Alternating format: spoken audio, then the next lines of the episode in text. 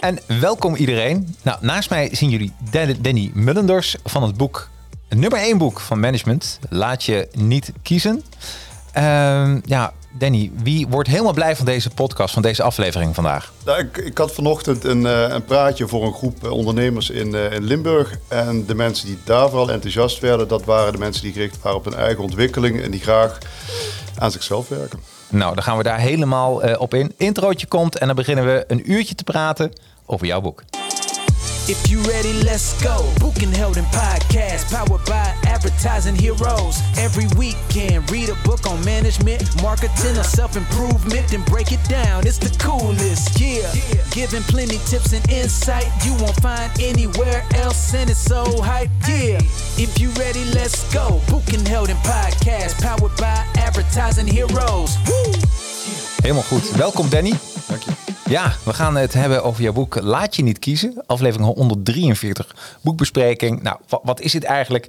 Iedere week mag ik een boek lezen. Eh, in dit geval was het Laat je niet kiezen van Danny Mullenders. Ik was heel benieuwd naar, want hij stond eh, een, best wel een tijdje op nummer 1. Ehm, en eh, eh, ja, een van mijn favoriete uitgeverijen, Haystack. Eh, dan weet ik gewoon, dat is een soort kwaliteitskenmerk voor mij. Van, ja, hier ben ik dus altijd super benieuwd naar. Ik heb hem gelezen met heel veel plezier. Ehm, en ja, afgelopen weekend gelezen. En ja, nu mag ik dan Danny ontvangen. Nou, Danny, welkom in, in deze show. Oftewel, je bent Gast van de week. de gast van de week. Danny, we staan met z'n tweeën. Staan we in een, in een lift. En ja, je kent hem, de elevator pitch. Eh, kort en krachtig. Hoe, eh, wat zou jij tegen mij zeggen eh, als ik aan jou zou vragen... Danny, wat doe je nou precies? In mijn dagelijkse leven qua werk ben ik assessment- en ontwikkelpsycholoog. Zo Ja. noem ik mezelf. En ik help mensen in hun ontwikkeling enerzijds. En anderzijds ehm, ja, doe ik selectie-assessments. Ik kijk of mensen passen bij banen. Daar komt het om neer. Oh, wat goed. Ja, ja. Dus, dus echt een, een... Je bent een soort matchmaker. Eh, ja, maar de, ja, het is een beetje zakelijk. Maar ja, dat Ja, precies. Ja, ja, ja. Ja, Wat oh, de hartjes. Ja. Ja, oh wauw. Komt er wel een speeddater voor dan? Eh, nou, in de ideale wereld zorg ik ervoor dat iemand past bij een baan. Eh, dus ja, dan, de speed mag er dan wel vanaf. En dan hoop je dat mensen voor de lange termijn ook gelukkig met elkaar zijn. Hè? Ja, dat is, dat is belangrijk. Hè? Dat er wel een match is en dan, eh, nou, voor het leven is misschien, eh, maar wel een match sowieso met hunzelf. Dat is, dat is wat je, het meeste wat je kan doen. Ja, dat is wel een vertrekpunt. En eh, ik moet zeggen, dat, dat zijn de leuke verhalen die ik eh, op probeer te vissen uit ja, de assessments en de coachings die ik doe bij ACMT, waar ik werk. Ja. En ja, dat is de basis geweest ook voor het boek. Ja. Weet je, ik zat te denken bij ter voorbereiding van deze podcast. Jij bent psycholoog. Ja. Eh, en ik zat even te denken, zal ik een diva uit eh, van Marktplaats en dat je daarop gaat liggen, dat ik je zo ga interviewen. Lijkt me zo gaaf om een, weet je, dat klassieke beeld wat ik dan heb, dat, dat je gewoon, dat iemand gewoon ligt. Is dat bij jou ook zo dat mensen liggen of niet? Eh, ja, als ze willen mag het. Kijk, maar ik heb geen bank staan. Ik, nee, weet je, het klassieke Freudiaanse beeld, hè? Ja, zit, ja, ja, ja. Ik, Ja. Soms stappen mensen ook wel binnen en dan, eh, dan denken ze dat het is. En dan, eh, ja, bij de ene is het een teleurstelling dat ze op een stoeltje gaan zitten. En bij de ander denkt, eh thank god, dat dat niet, zo ver komt. Wat geweldig. Hey, even dat mensen toch even weten waar je boek over gaat. Ik ga hem even, even voorlezen. Ja, hoe zou je leven eruit zien als jij het leven het zelf regisseert? Elke dag moet je keuzes maken eh, over je loopbaan. Samenwerken met lastige collega's of nieuwe projecten. De meeste mensen laten het zich overkomen. Maar wat wil jij? Psycholoog Danny Mullenders laat zien dat je altijd een keuze hebt. In inspirerende en soms confronterende verhalen uit zijn eigen praktijk beschrijft hij hoe je de regie pakt en houdt, eh, en, houdt over je eigen leven. En dan als grote gele tekst: je kunt meer beïnvloeden dan je denkt. Eh, het boek zelf heeft 238 pagina's. Ook een lekker formaatje. Ik hou van, van managementboeken die tussen de nou, minimaal 200 en max 250. Dus het is voor mij het ideale eh, eh, ja, een- een boekformaat eigenlijk. En een boekaantal eh, aantal pagina's. Eh, en er zit, bestaat uit 10 delen. Eh, en voormalig nummer 1 van managementboek. En eh, ja, ik ben toch even benieuwd, eh, Danny, als ik even naar de, eh, de titelverklaring kijk. Laat je niet kiezen. Hoe ben je aan die titel gekomen en wat, wat betekent het voor jou? Ja, Ja, die eerste, dat, eh, daar heb je een goede uitgever voor. Eh, Gerard van Heestek, we hadden het net even erover samen. hè. Je kent eh, Absoluut. Monique die daar werkt en Gerard als uitgever. eh, de man van haar, die, die doet hele goede dingen en die geeft hele goede adviezen. Dus ik zat Ja. zelf veel meer op eh, kies of het, ja, eh, het woord kiezen anders gebruiken. Ik had eerder zoiets ook wel vanuit neurolinguistisch programmeren. Je denkt, ah, en niet erin, hè, laat je niet kiezen. Ja. Dat heeft een wat negatieve connotatie voor mij. Ja. Ik heb me laten overtuigen door hem. Je zou kunnen zeggen, ik heb me laten kiezen door Gerard. Ja, wat goed. En dit is hem geworden. En ik merk dat eh, de reacties best wel heel mooi zijn. En enerzijds, soms zeggen mensen van... "Hmm, ik zie mezelf weer in die rij staan eh, tijdens het, het zwemmen... en ik werd niet uitgekozen. Hè? Zo, zo, ja. Dat, dat gevoel. Eh, dat zou ik niet mogen oproepen eigenlijk. Aan de andere kant, eh, maar goed, dat doet het toch. Aan de andere kant zie je dat mensen heel duidelijk zeggen... oké, ik laat me dus kiezen door of mijn gedachten... of door mijn gevoel, of door mijn omgeving. En dan, dan zitten mensen wel aardig in de richting van het boek. Ja, ja, dus eh, eigenlijk, eh, ehm, ja, want ik heb hem echt met heel veel plezier gelezen. 99 cases, wat jij hebt meegemaakt als psycholoog. Ja. En natuurlijk, ik denk dat de namen ook, ja, die, die, dat zijn niet de echte namen. Je hebt ze gewoon door elkaar gehusteld. Ja, precies dat. en sommige verhalen, dat klinkt dan een beetje technisch, maar die zijn samengesteld. Dus eh, het is ook niet zo dat ieder verhaal één op één op de praktijk te leggen is. Soms Nee. zijn het ook twee verhalen in elkaar geschoven. Ja, begrijp ik. Ja, deels omdat ja. het een mooie verhaal wordt, denk ik. En deels ook, ik wil echt niet dat mensen gaan terugzien dat zij het zijn. Want dan, heb ik, eh, dan, dan kun je het vergeten in je werk. Zo simpel is het ook. Ja, absoluut. Ja, absoluut. Hey, deel 1. ik, wil, eh, ik weet niet of ik het haal in, eh, in een uur, maar wat mij opviel in jouw boek, en ik heb nog heel veel vragen aan je. Ja. Eh, ehm, en ehm, ehm, die je wel beantwoordt in het boek, maar ook dat de luisteraars ook je antwoord kunnen ervaren. Deel 1 is de ene psycholoog is de ander niet. En daar heb je het over jouw eigen kleuren. Jouw drie kleuren. Vond ik wel mooi dat je dat eh, communiceert. Mhm. Weet je zo uit je hoofd of zal ik je even helpen? Ik, ik denk dat ik ze wel ken. Oh, wauw. Oké. Ja, nou, het zit wel dicht tegen mijn kern aan. En ook zo'n boek schrijven vind ik fantastisch. Ja.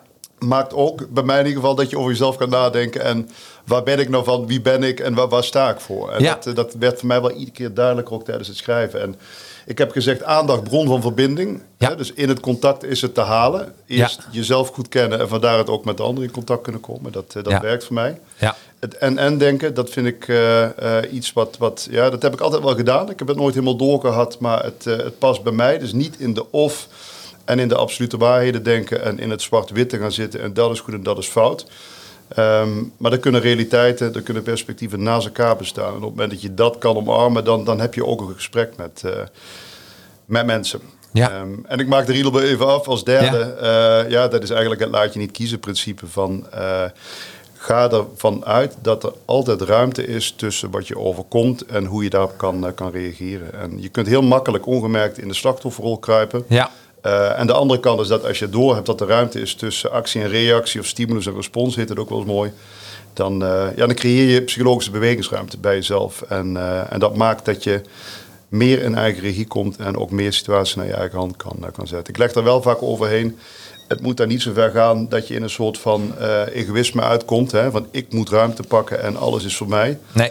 Ik wil er wel iedere keer aan toevoegen. Je doet het wel als. Ja, het, is, het is onderdeel van een grotere geheel, die keuzes maken. Ik kan me dat voorstellen. Hey, en eh, psycholoog. Ben, vind ik ook wel heel interessant. Ik vind het leuk dat een keer een psycholoog tegenover mij zit. Mensen, me- mensen zeiden al tegen mij, Jacques, dat had je al veel eerder moeten doen. maar weet- kun je vertellen, hoe word je psycholoog? Hoe lang duurt die opleiding? En hoe lang denk je, hoeveel jaar moet je ervaring hebben dat je denkt van, nou, nou draait die motor wel lekker warm als psycholoog? Ja, zo. Ja, Ja. Ik zal je proberen het korte verhaal te geven. Ja. Ik ben een, een eeuwige twijfelaar. Deels dat onzekerheid en deels dat nieuwsgierigheid. Heb ik Ja. laatst ook voor mezelf uitgepuzzeld.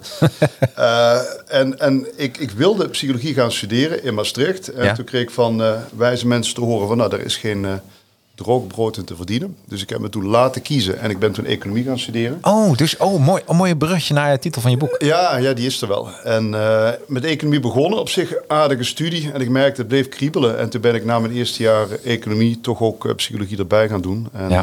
nou, die twee dingen die heb ik afgemaakt. Dus ik heb het in Maastricht gedaan. Het typische studie is, is vier, vier jaar. Ik heb er Ja. dikke vijf over gedaan, volgens mij. Is, is er, er- ik ben dol op films, is er ook een film met een psycholoog dat je zegt, nou, dat, dat, dat komt het meest dicht in de buurt in mijn vak? Goeie vraag. Ehm, Ja, ik vind Beautiful Mind vind ik mooi, maar dat is niet Ja. de, de, de psycholoog, maar eerder Ja. het psychologische aspect in films, wat mooi is. Ja. Oh, die zetten we even op het lijstje. Beautiful. Die wil ik binnenkort dan weer zien. Is toch met die acteur, eh, hoe heet hij nog eens? Ja, hoe heet hij nou? Ja, in die, eh, ik zie die voorkant zo voor me, dat hij zo ligt met al die rozen over hem heen. Kevin Spacey. Is het Kevin Spacey? Ja, toch? Ja, ja, ja, ook- ja, Of niet? Ja, ja, wacht even. Hebben we de goede voor? Volgens mij wel. Ja. Ja, toch? Ja. Ja, ja, ja. Dus eh, wauw, ja, gaaf man. Hey, ehm, en daar, eh, eh, wat ik een hele grappige vond, is ehm, eh, een anekdote of een verhaal wat je beschrijft, ken je zelf. En er was een voorbeeld voor de wet van Frans Kafka. Kun, je, kun je ons meenemen naar dat verhaal en wat dat verhaal nou precies betekent? Het is een best complex verhaal. Dus de Ja. vraag is even van, eh mag ik een stuk voorlezen? Weet je dat? Ja, ja, ja, ja. ja dat, eh, ik heb zelfs het paginanummer voor je. Ah, top, help mij. Eh, nummer 27. Pa en als mensen een boek hebben gekocht, Dan- pagina nummer 27. Ja, ja, en het raakt ook wel de kern van het boek. Hè. Ken jezelf. En vanuit zelfkennis kun je, kun je aan de slag met, ja, met eigen ontwikkeling. Ja. Het, gouden, het oude Griekse aforisme ken uzelf als een spreuk aan, de voor, spreuk aan de voorzijde van de tempel van Apollo in Delphi. Maar hoe doe je dan eigenlijk jezelf leren kennen? In de parabel voor de wet van Frans Kafka komt een man van het platteland bij een poort. Hij wil naar binnen, maar krijgt geen toestemming van de wachter. Wanneer de man via een kier een glimp probeert op te vangen van wat zich achter de poort bevindt, daagt de wachter hem uit om over de drempel heen te stappen. Al voegt de wachter hier aan toe dat de man de nieuwe wachters op zijn pad zal eh, treffen. Dus de een nog machtiger dan de ander. De boer aarzelt en kiest eieren voor zijn geld en neemt plaats op een krukje naast de poort. En daar zit hij dan jarenlang. Hij probeert de wachter met vragen te vermoeien en om te kopen om binnengelaten te worden. En zo wordt hij zijn ongelukkige toeval vervloekend oud en kinds. Als aan het einde van zijn leven, eh, als het einde van het leven daar is, stelt hij de wachter die ene vraag die hij nog niet gesteld heeft. Hoe komt het dat in al die jaren niemand behalve ik heeft gevraagd om naar binnen te mogen gaan? En de wachter antwoordt: Niemand anders kon hier binnen gaan, want deze ingang was uitsluitend voor jou bestemd. En ik ga nu weg en ik sluit hem. Zo. Ja. Mooi man. Ja, ik vond, dit vond ik zo mooi, omdat eh, mensen wachten altijd op het moment. Wat, wat haal jij eruit? Eh, ja, precies dat. Eh, we, we kunnen behoorlijk lang met elkaar zitten wachten op dat ene ultieme, mooie, perfecte moment. En dan, ja, en dan is het weg. En, en er zijn heel veel redenen om te gaan zitten wachten en niet te handelen en niet te doen. Ehm, maar als je zelf zover krijgt om toch maar iets te doen, dan zet je iets bij jezelf in, in beweging, in ontwikkeling. En dan komt er weer iets na. Maar Ja. letterlijk dat zitten wachten en niets doen, dat... eh, nou, als je daar bewuste keuze van maakt, want dat zit ook in het boek, dan Ja. denk ik, nou, dat zou nog kunnen ook. Twijfelen mag. Exact. Twijfelen Ja. kan, kan heel, heel mooi zijn en het kan nieuwe inzichten brengen. En in dit geval ja, heeft het volgens mij behoorlijk weinig gebracht. Ja. En ja, ik heb nog nagedacht over hoe kan deze goede man, hoe had, hoe had hij wel tot keuzes kunnen komen? Eh, ja, en dan probeer ik dan door te trekken naar het dagelijkse leven. Hè, van wat kan jij doen om wel regie te nemen en wel in de actie te komen? En soms zit het echt in jezelf om jezelf te kennen en te snappen... hey, ik maak nu geen keuze, zo simpel kan het zijn. Maar soms komen mensen niet daartoe. En dan draai je een cirkeltje en dan kan het eigenlijk best heel handig zijn om... eh, ja, bijvoorbeeld op mensen te betrekken, ook uit je omgeving. En, en ook deelgenoot te maken van je, ja, hoe heet dat dan? Eh, niet kiezen. Ja. Eh, ja. en, en de goede voorbeelden ook naar je toe te trekken. Dus de mensen die, eh, ja, die dat wel meer aan zich hebben, daar, eh, daar een beetje bij af te kijken. Dus soms hoeven de dingen niet super psychologisch of heel ingewikkeld te zijn. Heb je de goede voorbeelden om je heen. Ja. En, en ik denk ook in zo'n proces moet je jezelf wel goed leren kennen. ja. Ehm, eh, en daar, tijdens het lezen van je boek, zat ik te denken: ehm, is er ook een, wat vind jij? Heb, heb je een bepaalde, moet je een minimaal bepaalde leeftijd hebben dat je je eigen gebruiksaanwijzing heel goed weet? Nee, dat denk ik niet. Nee? Nee, nee dat denk ik niet. Ik, ik merk wel, en dat is een beetje het cliché van met de jaren komt de wijsheid Ja. bij veel mensen. Niet, lang niet bij iedereen. Nee. Eh, maar het valt me wel op. Eh, ik had vanochtend eh, een, een, een praatje dat hield voor een aantal ondernemers. En daar hadden we het over ehm, eh, de kracht van, van het nu, van Eckhart Tolle. Ken je Ja, ja, ja, ja. En die zegt onder andere van heel veel mensen hebben de neiging om in het verleden of in de toekomst te zitten met hun hoofd. En ja, het enige wat er is, dat is het, dat is het hier en nu. Eh, en, en vaak hebben we met elkaar niet door dat er, dat er meer is dan eh, ja, je zorgen maken of, of eh, ja, terugkijken. Hè? En het is best ingewikkeld om je gedachten zo te zetten dat je ja, volstrekt gelukkig bent in, in wat, wat nu voorstaat. En, en ja, daarin zie je dat naarmate je wat meer ervaring hebt en je leert jezelf wat meer kennen, dat het wat makkelijker is om je te resetten en bijvoorbeeld in dat hier en nu te komen. Hè, want je had het over leeftijd. Ja. En aan de andere kant zie ik mijn eigen kinderen thuis rondrennen. En eh, die hebben minder jaren op de teller staan. Dus die hebben ook minder om op terug te kijken of vooruit te kijken. Hè. Die kunnen heerlijk eh, blij zijn met eh, ja, een, een, een frietje en een frikandel s'avonds. Wat, ze niet verwacht hadden. Hè. Zij weten niet dat het woensdag is bijvoorbeeld. En dat eten we altijd, friet bijvoorbeeld. Ja, en dat is dan schitterend om te zien wat, ja, wat voor blijdschap dat kan opleveren. Terwijl wij als nou ja, ouderen, zou je kunnen zeggen, al zoveel jaar op de teller hebben en zoveel ervaringen. Dat we behoorlijk wat zaken ook wel weer kunnen uittellen en uitdenken. en Ja, dan, ja, dan ja. is de verrassing een beetje weg. Ja. Vind ik leuk dat je dat zegt. Ik, de, de laatste maand ben ik hierover aan het nadenken. En dan kwam jouw boek er nog bij. Ja, eh, toeval bestaat niet. Ja, ja. Maar ehm, eh, ik, eh, er wordt, ik, ik moet zeggen, ik, ben, ik leef vrij luchtig in mijn hoofd ook. Ik doe ook wat, wat ik leuk vind. En, ehm, en toen zat ik te denken, zou het zo kunnen? En jij kan, dat, eh, jij kan mij daar meenemen. Klopt mijn gedachtegang? Je hebt, eh, ik denk dat je drie eh, stadia hebt. Je hebt mensen die leven in het verleden. Je hebt mensen die leven in het hier en nu. En je hebt mensen die leven in de toekomst. En we leven allemaal, maar het gaat meer om de dosering. Ja. Wat ik, waar ik een beetje achter kom, dat mensen die heel depressief zijn, die leven heel vaak in het verleden. Mensen die, die ook depressief zijn, die leven in het verleden en in het nu. Want die denken, oh wat, ik voel me, gisteren is me dit overkomen en vandaag voel ik me gewoon helemaal, helemaal kloten. Dat is een beetje. En dan heb je ook mensen die eh, wat positiever zijn. En, en die hebben een dosering van ik leef in het nu, laat zeggen 25% en 75% ik leef in de toekomst. Slaat die gedachte hout? Snijdt die gedachte hout?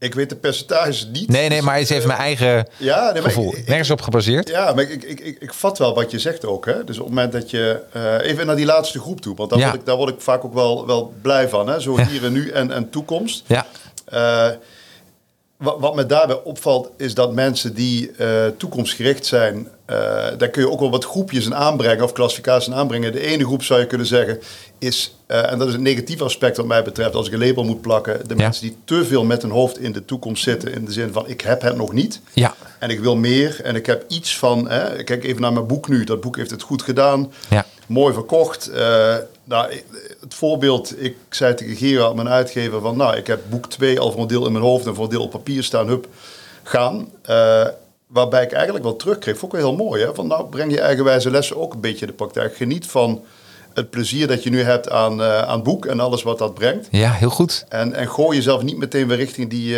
ja, die volgende stap. Dus, dus blijf in het hier en nu. Ja, En, en dat, en dat, ja goed, het is ook wel een eigen thema trouwens. eh, dat, dat had je waarschijnlijk ook wel door dit Ja. boek. Het is eh, niet helemaal autobiografisch geschreven, maar als je tussen de regels doorleest, dan, dan zie je ook wel wat Danny... eh, absoluut. hey, dus ik herken wel jou, jou, jouw stelling. Ja, hè? Oh, wat leuk. Ja, want eh, ehm, en ik, waar ik ook dat heel veel mensen raden mij soms Leven het Nu van Eckhart Tolle aan. Ja. En, of de kracht in het nu, hè? Heeft hij? Heet hij? De kracht van het nu. De kracht van het nu, ja. En, eh, maar dat zijn mensen die eh, op lange termijn ook best wel depressief zijn. En dat, dat, en dat zijn dan ook vrienden van mij. Ik, wel, ik ga geen namen noemen, maar dan denk ik van waar zou het dan vandaan komen? En ik denk echt als je te veel in het nu bent zonder toekomstplannen, dan, eh, ja, dan, heb je, dan, dan kan ik me voorstellen dat er geen toekomstperspectief is. Ja, dat vind ik ook wel een mooi, mooi perspectief dat je nu hanteert. In de zin van als je krampachtig je best doet, wat mij betreft, om in dat hier en nu Ja, te moeten zijn, dan wordt het er moeten en geen willen. nee, Dan, dan ga je, wat mij betreft, alles opzoeken om dat unieke moment waar je dan in zit, maar zo geweldig mogelijk te maken. En dan kan je jezelf waarschijnlijk eh, alleen maar eh, teleurstellen. Dus het is ook met enige dosering weer in het ja, dat bedoel ik. Ja. En, en, eh, en als je te veel in het hier en nu bent, dan word je ontzettend passief. Ja, ja, ja en, en ook dat heeft voor mij wel meerdere kanten. Want, want heerlijk om passief te zijn. We hadden net even vooraf ons Ja. gesprek over dat jij ook een luchtig leven leidt. Ja, Ja, typeer je dat als passief of typeer je dat als vooral de dingen doen waar je plezier aan hebt? En, eh, de dosering. Daar gaat het allemaal om, denk ik. Ja, Ja, ja. Ja. voor, mij, voor mij geldt inderdaad een lekkere dosering. Dat, je, eh, dat ik doe wat ik leuk vind. Maar ik word, ik, ik word echt blij van plannetjes maken. Ja. Eh, en ik, als ik ook met andere ondernemers praat, die die heel positief zijn, geloof mij, die zijn altijd weer bezig met, met een volgend project. ja, Ja. En dat wat je zegt, moet je wel genieten van nu, want anders ben je alleen maar aan, aan het rennen. Ja, ja, en dat is ook mooi, hè? Moet je genieten van het nu? Het zit ook een beetje in het woord, uh, Moeten. Ja, ja, moeten, precies. Ja, dus precies. Van, uh, is het moeten, is het, is het willen?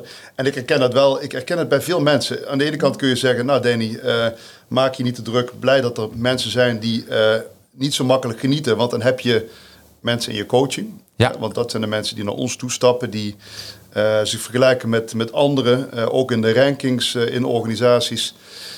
Het beste willen zijn om maar boven te komen drijven, een goed salaris te kunnen binnentikken en, Ja. en, en dat. En dan heb je ook wel mensen die wat tevredener van aard zijn, misschien ook wel wat optimistischer, wat minder gefocust op prestatie en motivatie.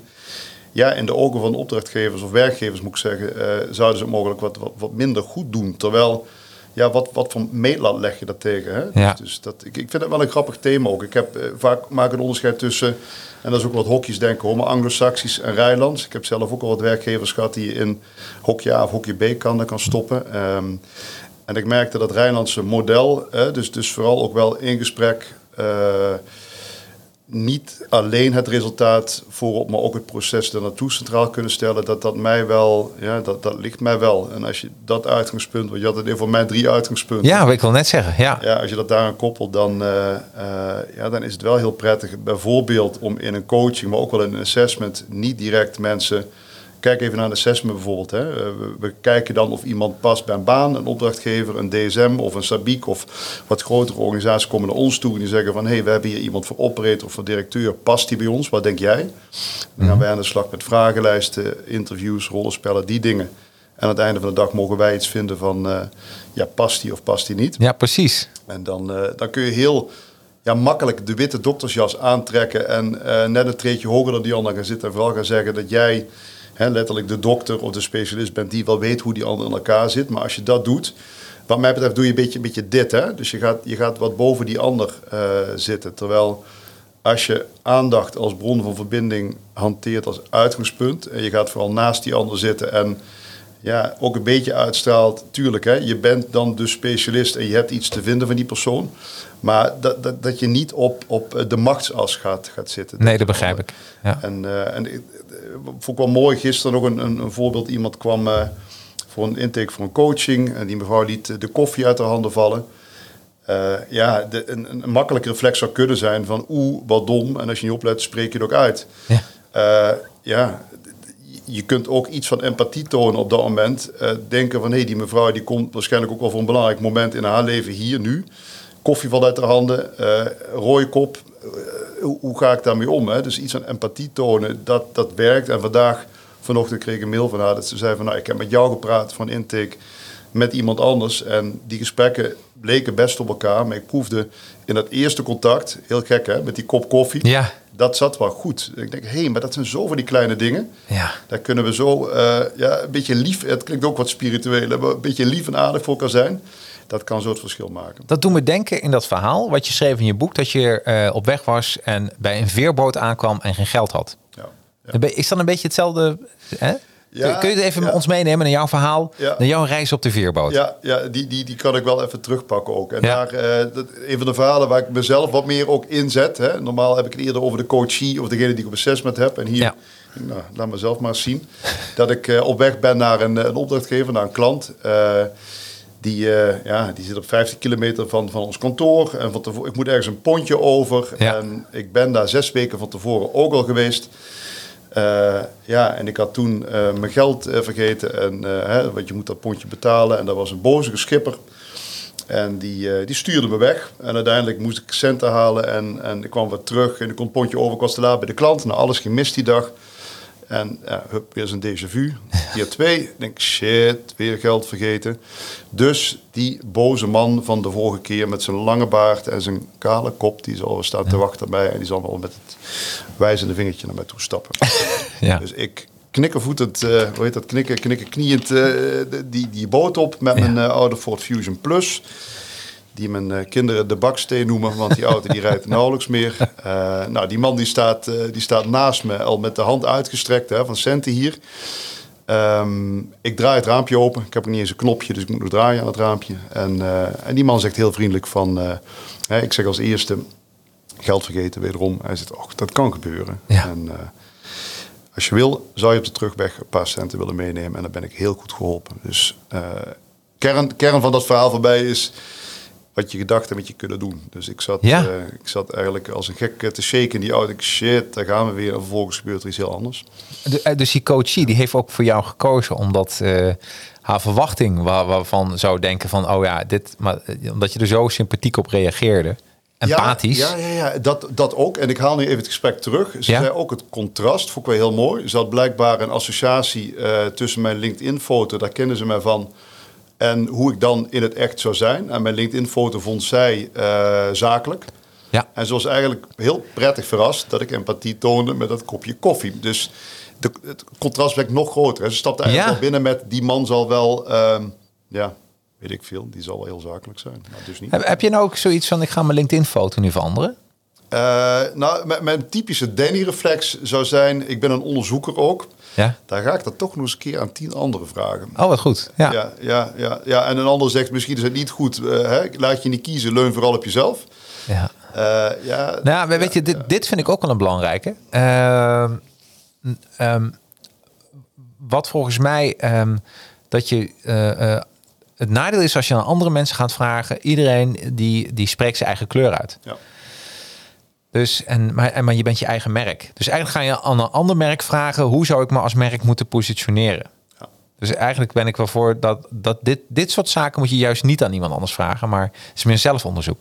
Toch? Hey, en uh, Jacqueline, Ja. die foto, hè? Je hebt een LinkedIn-foto. Heb je daar bewust over nagedacht? Eh, Eh, Ik met mijn eh, hoofdtelefoon op. Ja, absoluut. Ja. Ja. want dit is eh, hoe mensen mij het meest zien. En, eh, en ook eh, eh, ja, toevallig heb ik nu even dit aan. Normaal heb ik altijd noem dat Marvel shirts en DC shirts aan. Ja. Of andere zaken. Ehm, maar eh, eh, eigenlijk, eh, eh, dit, is, dit is wie ik ben. En dit is ook een beetje mijn merk geworden. Ja. Dit is en, en het, wat ik heel fijn vind. Ik hou van een simpel leven. Ik, ik eet iedere ochtend hetzelfde. Iedere, ik, eh, iedere middag bijna hetzelfde. Ik wil, ik wil uit zo min mogelijk dingen kunnen kiezen. Zodat mijn hoofd vrij blijft voor leuke dingen. Hoe goed gaat je dat af? Hoe makkelijk gaat dat? Ja, heel super. Ja? Ja, ja, en ik moet ook zeggen, ik heb een super vriendin die dat ook ondersteunt. Ja. En die mijn, eh, ze zeggen wel eens lachend, mijn, mijn kleine autistische trekjes wel hanteert. en dat ze het wel begrijpt. Nee, ik, en ook, eh, ik zie ook dat ik eh, iedere dag bijna hetzelfde aan heb. En ik heb wel een wisselend shirt aan. Maar voor, in mijn hoofd is dat hetzelfde. Dus ik wil me over zo min mogelijk dingen druk maken. Ja, wat goed. En heb je dat altijd gehad of heb je dat inzicht gekregen? Ehm, dat heb ik. Nou, leuke vraag. Dat heb ik gekregen. Ehm, ik ben ehm, eh, die pure zelfreflectie. Ik ben in 2014 gescheiden. En ik kan nog steeds goed met mijn ex, dus dat maakt niet uit. Maar eh, op een gegeven moment ben je 20 jaar lang samen. En eh, toen was ik alleen. En toen dacht ik, wie ben ik eigenlijk? Misschien wel een herkenbare vraag. Dat mensen denken, ja, wie, wie? Omdat je zo lang samenleeft, dan weet je niet meer of de uitspraken die je doet, onbewust, of dat je eigen uitspraken zijn, of dat dat samen eh, uitspraken zijn van jou en je ex-partner. Dus toen ging ik echt terug, oké, wie ben ik en waar word ik gelukkig van? En, eh, en toen ben ik echt op zoek gegaan, oké, waar word ik gelukkig van? En daar ben ik tot een ontdekking gekomen. Dat, eh, en ik weet niet dat jij als psycholoog kan zeggen, dat is flauwekul, of dat daar zit een kern van waarheid in. Maar ik ben erachter gekomen dat alles wat ik deed voor mijn puberteit, dat dat mijn kern was. Nou, dat, dat, ja, nou, ja, als je de boeken erom naslaat, dan is het het gedeelde verhaal dat je tussen je vierde en je zevende wel een groot deel van je identiteit en ook wel je persoonlijkheid Ja. vastzet. Dus dat, dat sluit wel aan bij wat je zegt. Ja, hè? Nou, ik was vroeger helemaal dol op eh, stripboeken. Eh, ik was dol op eh, Superman, Batman. En daar komt een beetje vandaan. En toen heb ik een, iemand ontmoet die had een boek geschreven, Mijn Vriend Spider-Man. Ehm, en toen werd ik weer helemaal enthousiast. Ben ik weer die stripboekjes gaan verzamelen. En onbewust, toen had ik eigenlijk al Advertising Heroes. is allemaal gebaseerd op die naam. Want ik hou van helden. Ik hou ook van eerlijk zaken doen. Heldhaftig. En, ehm, en toen dacht ik, ja, ik ga dat gewoon helemaal wat ik leuk vond, ga ik helemaal hierbij betrekken.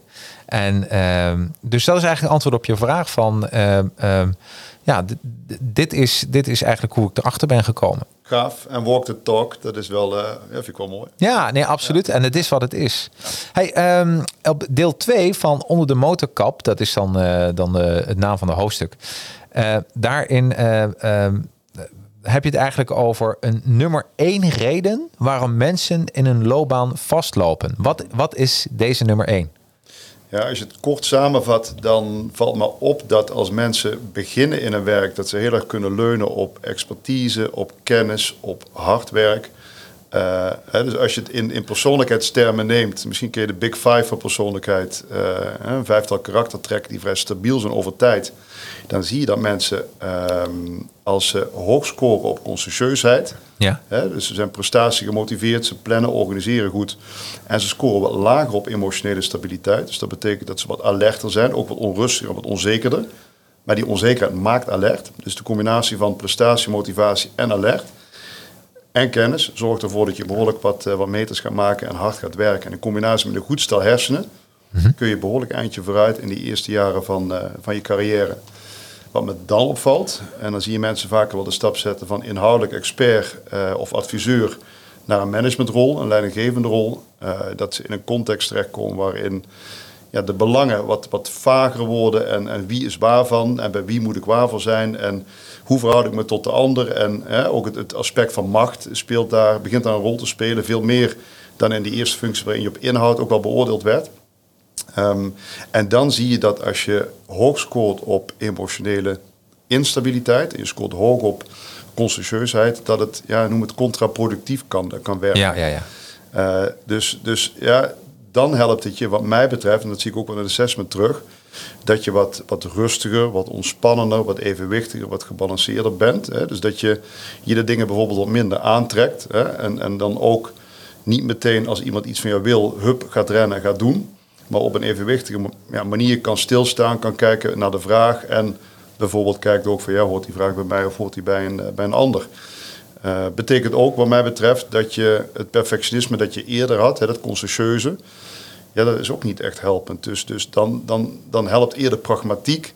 Goed kijken wat, eh, ja, wat, wat bij de situatie hoort. Wat, ja, wat moet ik aan energie inzetten bijvoorbeeld. En niet als een dolle stier gaan, eh, gaan rennen. Dus, Ja, dus de ja, nummer één reden wat mij betreft is echt ja, dat, dat karakterstuk. Wat je eerst wel helpt en vervolgens niet. Oké, eigenlijk is dat eh, eh, wat, je, wat, je, wat je grootste kracht is, is ook eh, je pechkracht. Nou, ik, ik, ik vind, ja, dat zeg je mooi. Ik, ik vind, eh, en dat, dat valt me steeds meer op ook, de, eh, de impact van context, de plek Ja. waar je zit, eh, de leidinggevende die, ja, waar je mee van doen hebt, dat, dat, dat bepaalt ook zo mee. Ik, ik hoor heel vaak mensen ook zeggen, en dat zie je ook in de onderzoeken terug, hè, de Gallup-onderzoeken ken je misschien ook Ja, wel. ja, de leidinggevende die de nummer één reden is waarom mensen hun, hun baan verlaten.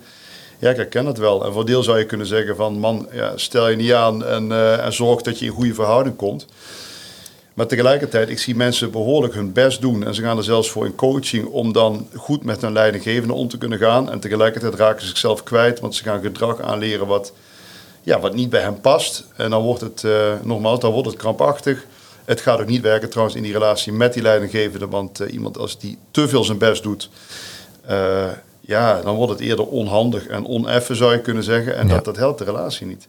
Ik, ik wil eigenlijk de mensen die het eh, boek kopen.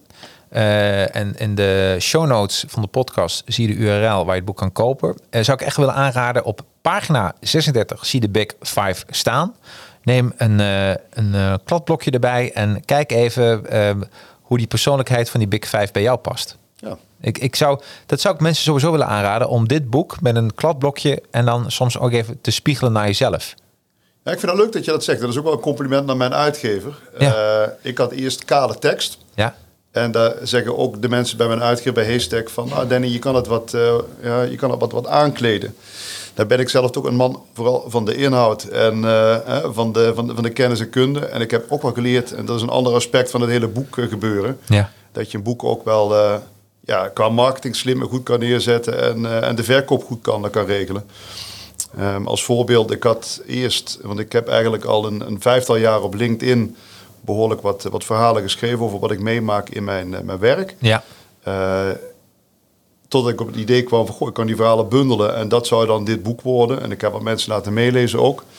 Totdat die mensen zeiden van, ja maar Danny, dit is echt letterlijk eh, ja, gewoon een bundeling van al die verhalen. En, en maak daar soep van, trek daar soep van.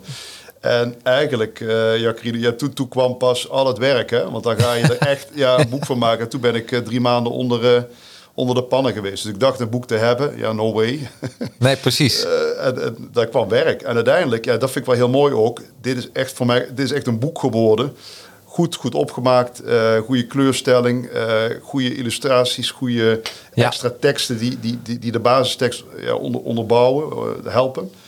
Ja, ik word hier wel heel blij van. Weet je, ik heb je boek gelezen. Van A tot Z, van kaf tot kaf. Zoals ik het bij iedere boek doe. En ik, eh, dit doet me denken aan hoe ik winkel en mijn vriendin. En ik, ga naar, ik hou van kringloopwinkels. En dan ga ik naar een winkel toe en dan ga ik ja, hang, eh, laaghangend fruit. Weet je, dan denk ik van, oh, dit is handig, dit is handig, dit is handig. Dan komt mijn vriendin en die kijkt wat aandachtiger. Weet je, die is wat meer. eh, en, en die komt soms met dingen dat ik, die ik heel graag wilde hebben. Ik zei van, waar haal je die vandaan? Uit dezelfde bak. Dat vind ik echt briljant. En dit is eh, het voordeel als je je boek niet alleen leest, maar ook aantekeningen maakt. Want dan kom je echt juweeltjes tegen. Want de, bijvoorbeeld, ehm, een van die dingen, want ik, heb hem, ik lees hem altijd één keer. Helemaal, van, A, van kaf tot kaf. En daarna ga ik aantekeningen maken. En tijdens die aantekeningen kwam ik eigenlijk over eh, het hele verhaal. Toen kwam die echt binnen. eh, wat het verschil is tussen true self en false self. Zou je de luisteraar willen uitleggen en kijken... wat is het verschil tussen true self en false self? Ja, ook daar. Hè, daar komt de onderzoeker bij wat kijken. Daar, daar zijn boeken over volgeschreven. En ik merk, ik heb daar ook via LinkedIn best wat eh, nou ja, dialogen, discussies over gehad. Als je mij vraagt, dan, dan is jouw, true self, dat is hetgeen wat je, wat je in de basis in je draagt. En wat je altijd al wel bij je hebt gehad. En dan wil ik wegblijven bij het, het gene verhaal. Hè, of het, hè, sommigen zeggen je dispositie, je, je aanleg. Het is, het is eigenlijk een soort van... eh, eh, ja, een, een innerlijk geweten vind ik een, een groot woord. Daar worden we wat spiritueel. Maar het is iets wat, wat in de kern in je zit. Wat je niet koppelt aan, aan persoonlijkheid of drijfveer of aan gedrag. Eerder aan, eh, aan identiteit zou ik zeggen. Dus als je terugkijkt, je bent nu eh, tien en je kijkt eh, straks als je veertig bent terug op je tiende. Ja. Ik doe dat vaker ook wel in, in, in, in coachings. Hè. Dan doen we self-assessment. Vragen we aan mensen om bij zichzelf eens te raden te gaan van wie ben je nu, wie was je toen? En om dan ook ja, de, de, de vraag ook, aan anderen te stellen die die mensen dan kenden hè, in die tijd. Dan, dan, ja, dan komen er bepaalde eigenschappen naar voren, bepaalde typische dingen van mensen. Die had je toen je tien was en die heb je eh, ja, nu je 40 bent ook. Ehm, en bij de een is dat, eh, eh, ja, dat je altijd de neiging hebt om ja, mensen om je heen te hebben, bijvoorbeeld. Dat je niet zonder mensen kan. Ja? Dat dat heel typisch is. En bij een ander kan het zo zijn dat, eh, ja, dat, dat, je, dat je altijd en overal eh, ja, waarde aan wil ontlenen. Dus hetgene wat je doet, dat, dat moet ergens iets opbrengen voor jezelf of voor een ander. En een, een eh, aftakking daarvan is eh, ja, de helper, hè, de pleaser. Die komt ook al vaak in het boek, boek terug. Ja, ja, ja. Terwijl please gedrag, daarvan zou je wel kunnen zeggen, ja, is dat, is dat true self? Dat is eerder, wat mij betreft, false self. Hè? Dus dat is gedrag, dat is eh, een patroon of een mechanisme dat je opbouwt in de tijd als soort van reactie op eh, ja, de context waar je, waar je in zit. Ja. Ehm, misschien heb je, heb jij laatst Zomergasten gezien eh, Ja. met de beste van de kolk.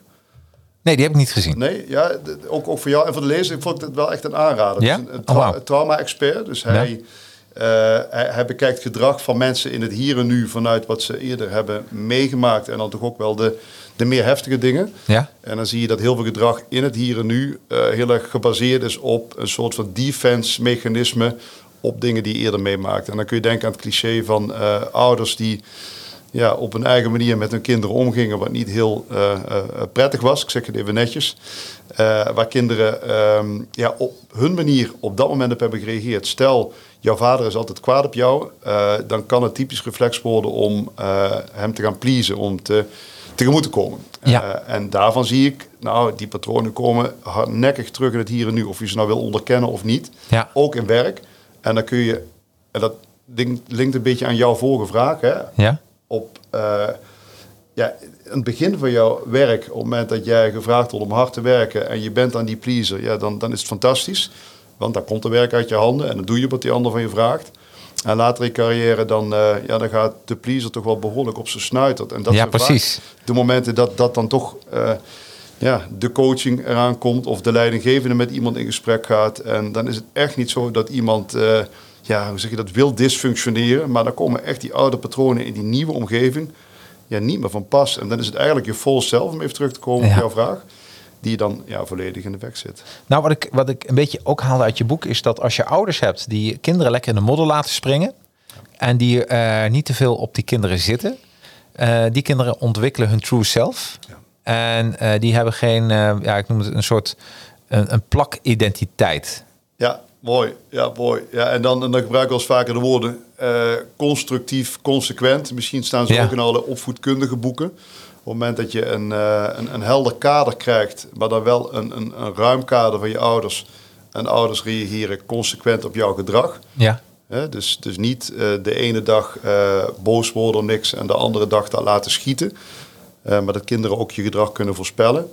Dan, ja, dan creëer je eigenlijk een basis voor waaruit mensen zichzelf kunnen worden. En wat, wat, ik, wat ik mooi vind daarin, en het klinkt ook wel wat, wat theoretisch misschien, maar als je eh, je kinderen dus vrij kan laten, dat is een beetje wat je zegt ook. En tegelijkertijd op de goede momenten kan bijsturen. Je hoeft geen tik te geven, maar precies ook het advies de feedback kan geven waardoor iemand weer in dat pad komt.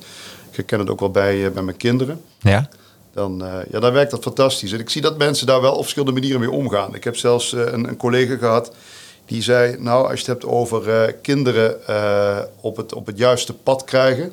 dan is het ook heel slim als die kinderen eh, veel meemaken. En daarvan denk ik, Ja. ja, dat klopt. Maar die persoon ging er zelfs zo ver in dat... hij vond bijvoorbeeld dat kinderen letterlijk hun, hun vingers maar eens een keer moesten branden... om de waarde van vuur te leren kennen... Hè, dus die liet de, de, vingertjes wat te dicht in de opperhaard. Ja. Dus als voorbeeld, soms kun je daar ook wel wat te ver in gaan. Ja. en, en dan, ja, ook als je kijkt naar, eh, misschien ken je, ken je een, een Dirk de Wachter of een Damian Denis. eh, de, de psychiaters die ook wel in coronatijd een ruim podium hebben gekregen. Ja. Daarin hoor je ook wel terug, en ik volg dat ook wel, dat, eh, ik noem het even de klassieke opvoeding.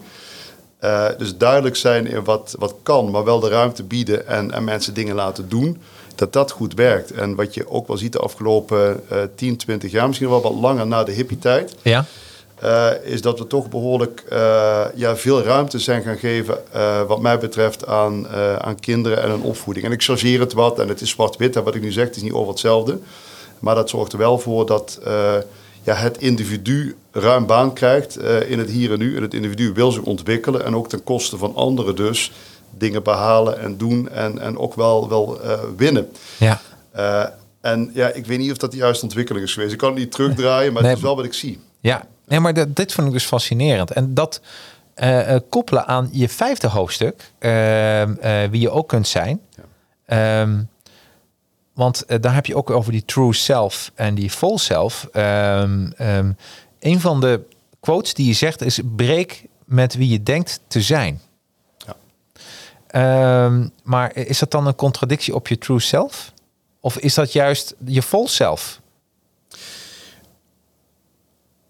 Het is het laatste. Wat mij Ja, hè? Ja. Het is het laatste. Dus, dus in die zin, ja, je maakt een mooie link hoor. Eh, het- we, denken een bepaald personage of karakter of, of eh, hè, een rol te spelen eh, vanuit eh, vaak, wat ik net ook zei, een, Ja. een def- een defense mechanism of een reactie op iets wat je is overkomen. Hè? Dus je Ja. hebt een tik op je vingers gekregen, dus hup, je gaat terug de hoek in en dat wordt je, je typische gedrag.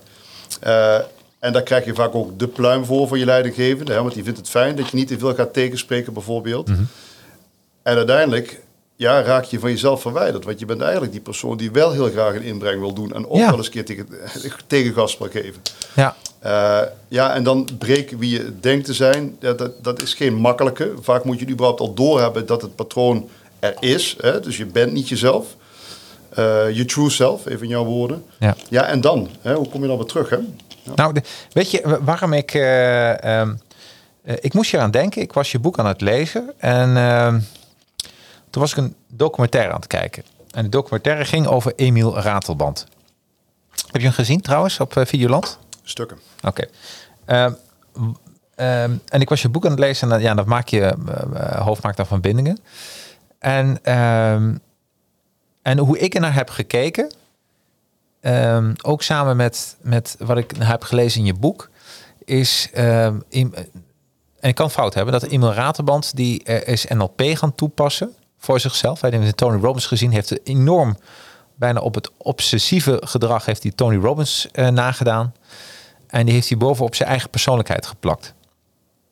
Dus ik zeg even dat, eh, dat hij een false self heeft geplakt op zijn true self. Zo komt die documentaire bij mij binnen. En eh, waardoor ik eh, het, het, het drama vind ik dat eh Imre Raterband eh, de hele tijd een, een, een character speelt. Dat hij volgens mij zelf al niet meer weet wie die zelf is. Ja, dat is? Eh, kwam, dat, kwam dat bij jou ook zo over of niet? Ja, precies zo. En dus vraag ik me even af, hoe denk je over NLP? Ah, dan, dat, dat zullen de NLP'ers misschien wel minder leuk vinden dat we hen... Ja, wij herkennen hem wel. Eh, Ja? Als je heel letterlijk die principes gaat, gaat toepassen, hè, van rapport maken, hoe kom je in contact, het kopiëren van het gedrag van anderen. om Precies. in- dan als je daar heel letterlijk in doorgaat, dan, eh, dan raak je verder verwijderd van jezelf. Dat, eh, dat, dat volg ik. Andersom, als je het hebt over persoonlijke ontwikkeling, en natuurlijk hè, met mate wat mij betreft, daar zitten uitstekende elementen in zo'n neurolinguïstische programmeren. In de zin van überhaupt je bewustzijn van eh, wie je bent, hoe je op anderen overkomt en wat het effect ook is op de ander en hoe die zich weer naar jou toe gedraagt. Ja, voor mij is dat goud. Dat is het begin van, van persoonlijke ontwikkeling. Eh, ik denk dat bij iedere methode of techniek die je toepast in, in eh, persoonlijke ontwikkeling, dat als je daar ja, een soort van de absolute waarde van gaat zien, het gaat omarmen als een, als een waarheid, als een realiteit, ja, dan, dan wordt het wat mij betreft veel te spannend. Eh, ik, Ja. dacht dat jij de link nu ging leggen ook met The Secret bijvoorbeeld. Misschien kun je die ook. Ja, ook. Nou ja, dus, ik zie dat een beetje als hetzelfde. Ja, Wat je ook in het boek beschrijft. Vandaar dat die hoofdstuk prikkelde mij enorm. Eh, en ook dat het leven maakbaar is. Is dat waar of niet? Dat beschrijf je in je boek. Maar kun je ons meenemen? Wat, wat is jouw mening? Ja, ja, ja, de, de- de- ook, ook, ja die, die documentaire is ook wel heel aardig. Hè? Ja. The Secret is ook een boek, hè? Misschien Ja. moet je dat ook eh kijken. En dan, ik, ik vergroot het nu wat uit. Maar daar is het idee, als je drie keer roept... ik wil morgen een, Porsche voor de deur hebben staan... en je denkt er maar hard genoeg aan... eh, en je doet nog een paar wezenlijke groetjes... ja, dan staat die Porsche morgen voor de deur.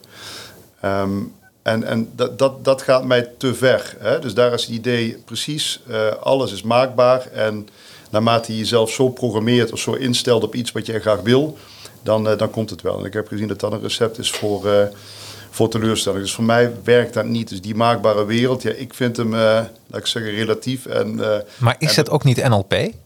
Het zit er ook in. Ja, Ja, exact. en dit is dus wat ik. ehm, ik weet er te weinig vanaf, maar ik, ik, ik keek naar die documentaire en ik dacht van, ah, eh, je, je, je plakt gewoon een, een je, je, je speelt een rol. Mhm. Terwijl dat heb je ook wel eens. ehm, je hebt een hele mooie film, heet Man on the Moon, met eh, daar speelt eh, Jim Carrey en die Kaufman.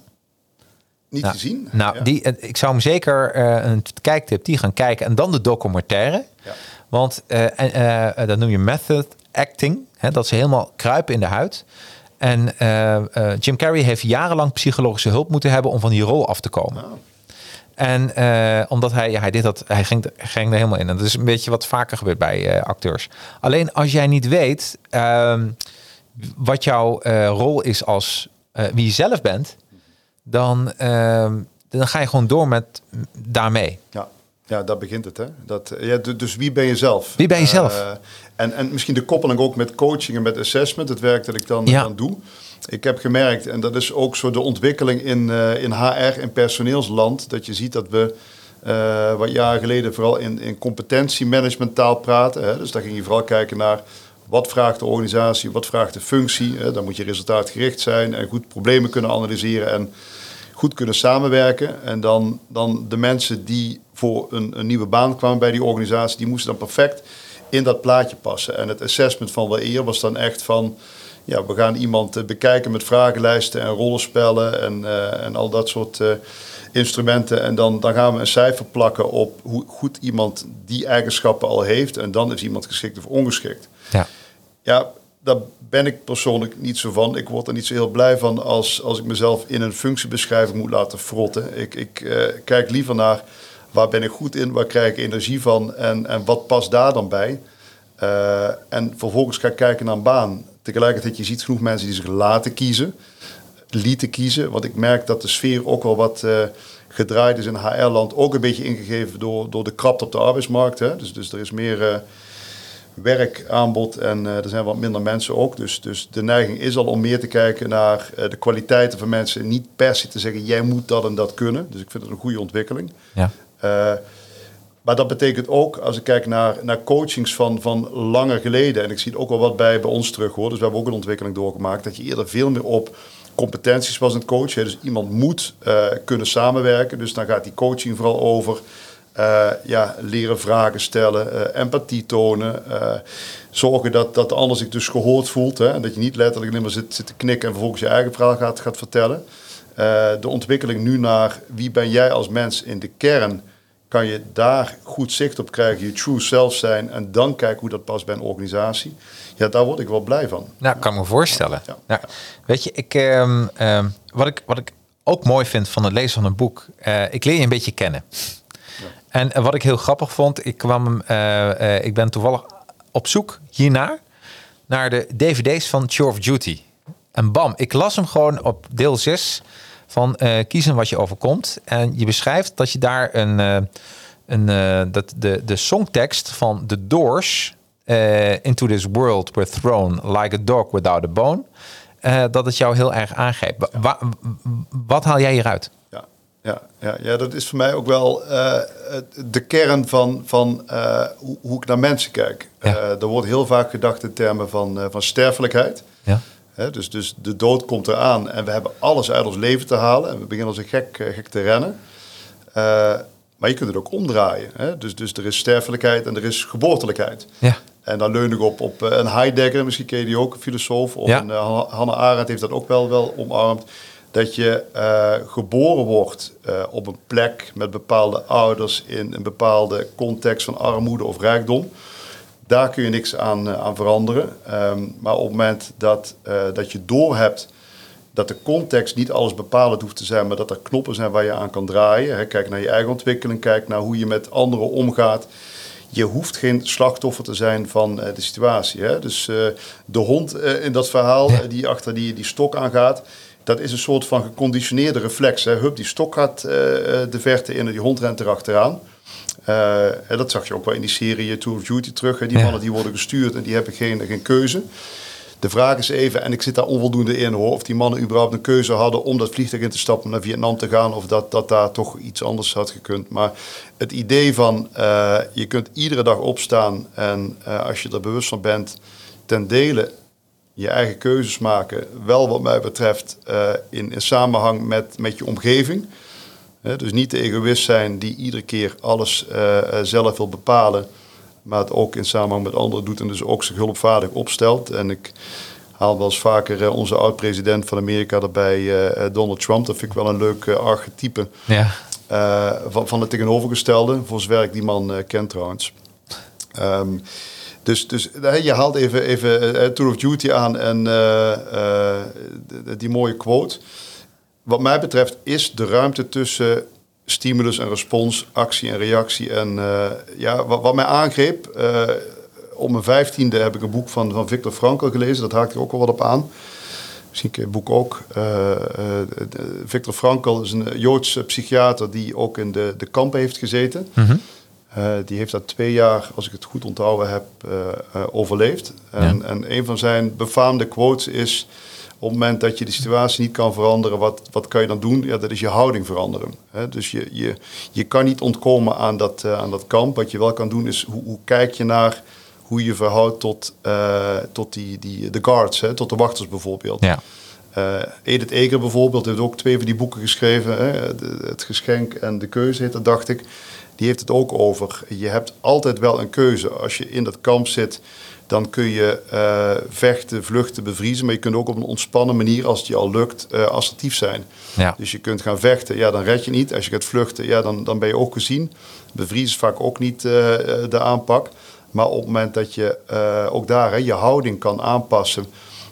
en, en dat is nog een tweede ding, ook, en dat klinkt wat gek misschien, maar de betekenis kan zien van hetgeen wat daar gebeurt.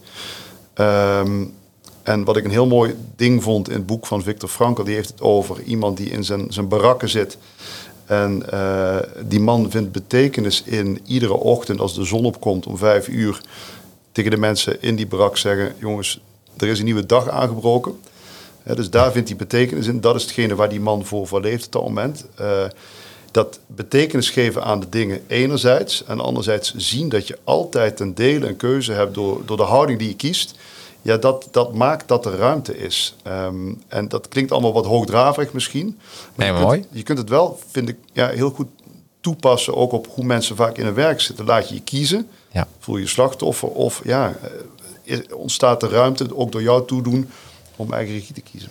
Het mooie was, je, had hier een, eh, ik, ben, hij heette de, de Kamphaan of zoiets, hè? Ja, Die man. ja. De. Kamphaan, heb ik dat ja, goed? hij staat ook in het boek. Dat klopt. Ja, ja, ja, precies. Hij staat in het boek. Een mooi verhaal. Ehm, eh, wat ik, wat ik eh, ook een hele goede vind, en dit is ook wat iedere ondernemer zou moeten doen. Ehm, en we beginnen eerst met een quote. Ken je hem uit je hoofd? Dit is eh, Sene- Seneca. Schrijf, schrijf ik dat goed? Seneca, ja. Seneca. Ja, ja. Weet je hem zo uit je hoofd of niet? Nee, Dus vrijheid is jezelf tot je enige bron van vreugde maken. ja. Ik vind dat eigenlijk dat, dat je als, als een t-shirt moet drukken of een tegeltje achter je bureau moet zetten. Dat je de ste- of voor je bureau, dat je daarna kan kijken. Dus vrijheid is jezelf tot je enige bron van vreugde, eh, vreugde maken. Ja. Ja. En dit vind ik zo mooi, omdat eh, in je boek eh, deel 7, je bent zelf het vertrekpunt voor plezier, dat deel. Ehm, daar, daar zeg je, vergelijk jezelf met jezelf. En dat doet me altijd even denken. ehm, eh, ik sport hier achter en daar hebben ze een quote hangen. En ik zal het verkeerd zeggen, maar dat komt er een beetje op neer. In my own, I am my own greatest competitor. En ik denk dat je mensen vergelijken zichzelf altijd met anderen. Alleen eh, misschien moet je iedere dag zelf een stukje beter worden. Wat, wat vind je ervan? Ja, ik, ik heb begrip voor mensen die zich vergelijken met anderen. Als je een evolutionair perspectief neemt. Hè, we komen uit, eh, lang geleden uit, uit groepen en we hadden ons te verhouden tot anderen. Nu nog steeds wel trouwens, hè, maar Ja. wat minder dan toen. En op het moment dat je niet aanvoelde wat de groep nodig had, ook van jou, dan lag je eruit. Ja. Dus jezelf vergelijken met anderen heeft wel een evolutionaire functie.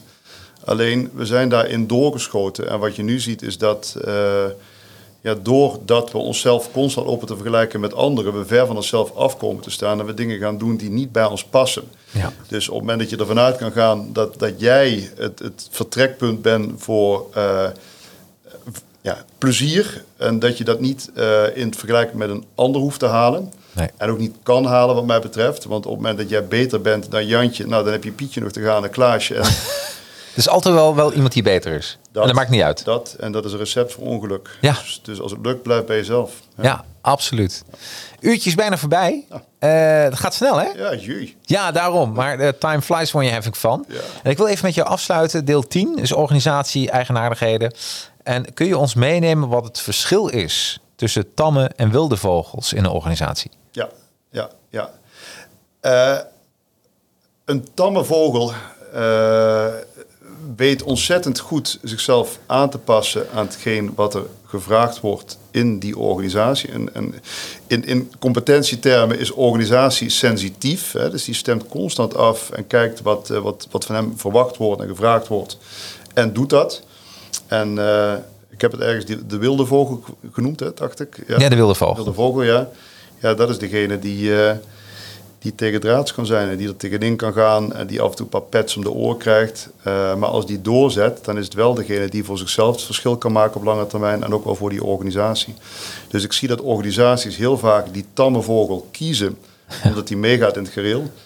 Eigenlijk zoekt men die, eh, ja, die, eh, die wat brutalere vogel. Ja. Dus dus durf, durf die brutale vogel te zijn. Absoluut. Daar- Die die fladdert even wat meer rond. En daar heb je even misschien iets meer last van. Maar uiteindelijk ook veel meer profijt van.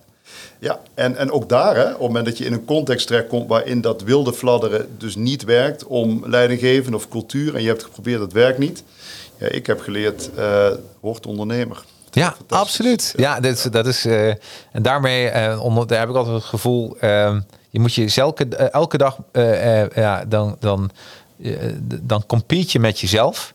En, ehm, en ik merk, eh, en elke skill die moet je weer een boost krijgen. En dat, dat maakt het ondernemen weer zo leuk. Heerlijk, vind je ook? Ja, ja, ja, ja, ja, ja, juist dat, juist dat. Heerlijk. Hey, ben ik wat vergeten, Danny? Volgens mij een mooi verhaal verteld samen. Ja, toch? Ja. Nou, ik zal vertellen. Ik heb dus eh, ik heb een, een A4 met eh, lettertype 9, heel veel aantekeningen. Ik heb volgens mij maar 20% besproken met wat ik nog heb gedistilleerd uit je boek. Dus ik zou tegen de andere, tegen iedereen die dit kijkt en luistert, willen zeggen van eh, koop het boek, laat je niet kiezen, lees hem één keer goed door, want eh, en eh, 238 pagina's is heel goed te doen, ook lekker opgemaakt moet ik zeggen, dus heerlijk. Eh, en eh, eh, na de hand ga even met een met een, een aanteken blad erbij of en maak die aantekeningen, want hier staat zoveel informatie in. Ja, echt- echt compli- Ik kan me voorstellen dat hij op nummer 1 heeft gestaan, Danny. Ja, dankjewel. Dat eh, waardeer ik. Nou, helemaal goed. Volgende week mag ik ontvangen. Hop, ik pak hem er even bij. Rob Oostveen, zo bind je klanten online. En er zit iets heel aparts in dit, eh, in dit boek. Want dat gaat over, eh, onder andere over communities. En dan zie je het logotje van mijn bedrijf Academy in staan. En hoe dat komt, dat zie je dan volgende week. Nogmaals, eh, Danny, dankjewel. En tot iedereen, blijf kritisch en blijf lezen. Hoi.